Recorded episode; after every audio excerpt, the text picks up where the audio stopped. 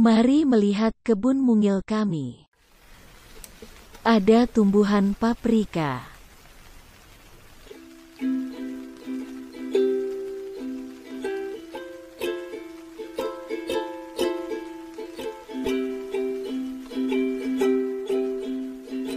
Ada sayur kubis ungu.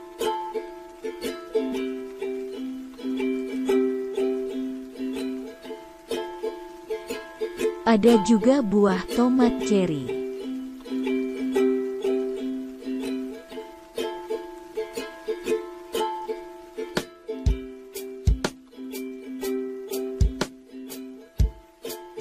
Ada juga tanaman cabai merah dan juga sayur selada.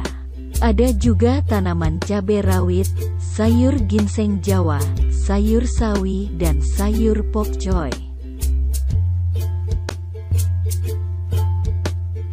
Tanaman kacang hijau dan buah stroberi.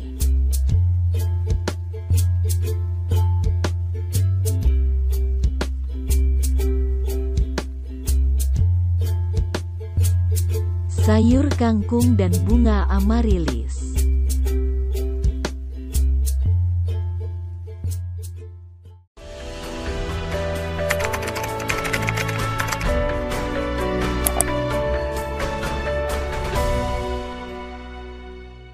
Jika saudara melihat cuplikan singkat tadi, tentu saudara bisa berkata, "Wah, enak ya, tanahnya subur, semuanya menghasilkan."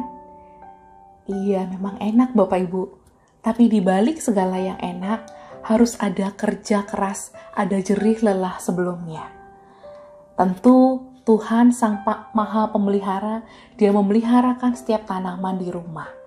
Tetapi selebihnya juga Tuhan memakai saya dan suami untuk berkomitmen, untuk merawat, menyiram, memupuki, membuang setiap rumput-rumput liar, mulai dari membibit dan lain sebagainya.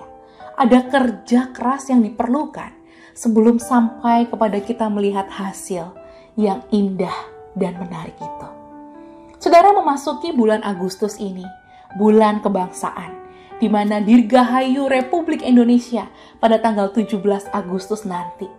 Mari kita kembali lagi flashback untuk perjuangan dan jerih lelah para pendahulu kita. Mereka telah berjuang untuk memerdekakan bangsa Indonesia.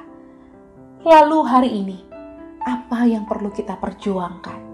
Apa yang kita bisa lakukan buat bangsa kita? Mungkin saudara bisa berkata, aku bukan orang pemerintahan Aku bisa apa? Aku cuma rakyat jelata, rakyat biasa. Dalam kondisi pandemi ini, saya bukan tenaga kesehatan. Saya nggak bisa apa-apa. Bahkan sekarang saya harus isoman, isolasi mandiri di rumah.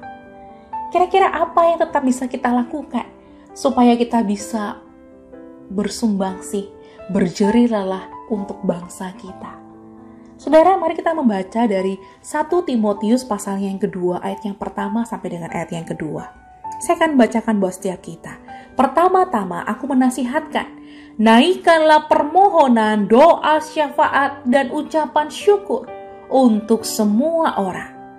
Untuk raja-raja, untuk semua pembesar, agar kita dapat hidup tenang dan tentram dalam segala kesalehan dan kehormatan. Saudara mungkin kita nggak bisa keluar dari rumah untuk memperjuangkan sesuatu karena bahkan tubuh kita pun lemah. Tapi satu yang bisa kita kerjakan, yang kita bisa berjeri lelah melakukan dengan setia dan di mana pun kita berada, yaitu doa. Sudahkah engkau dan saya hari ini bertekun di dalam doa? Mungkin kau berkata, sudah awal-awal pandemi saya berdoa, tapi sudah jalan tahun yang kedua ini, mungkin kita bohong. Tapi ingat, jerih lelah kita hari ini mungkin tidak bisa berjuang langsung. Tetapi lewat doa kita harus setia, menaikkan dengan sungguh-sungguh kepada Tuhan. Berdoa untuk presiden kita, berdoa untuk para menteri, setiap aparatur negara supaya mereka memikirkan yang terbaik di dalam kondisi pandemi yang berkepanjangan ini supaya setiap keputusan yang dilakukan boleh berkenan di hati Tuhan dan terlebih boleh menolong setiap rakyat Indonesia untuk hidup damai dan sejahtera.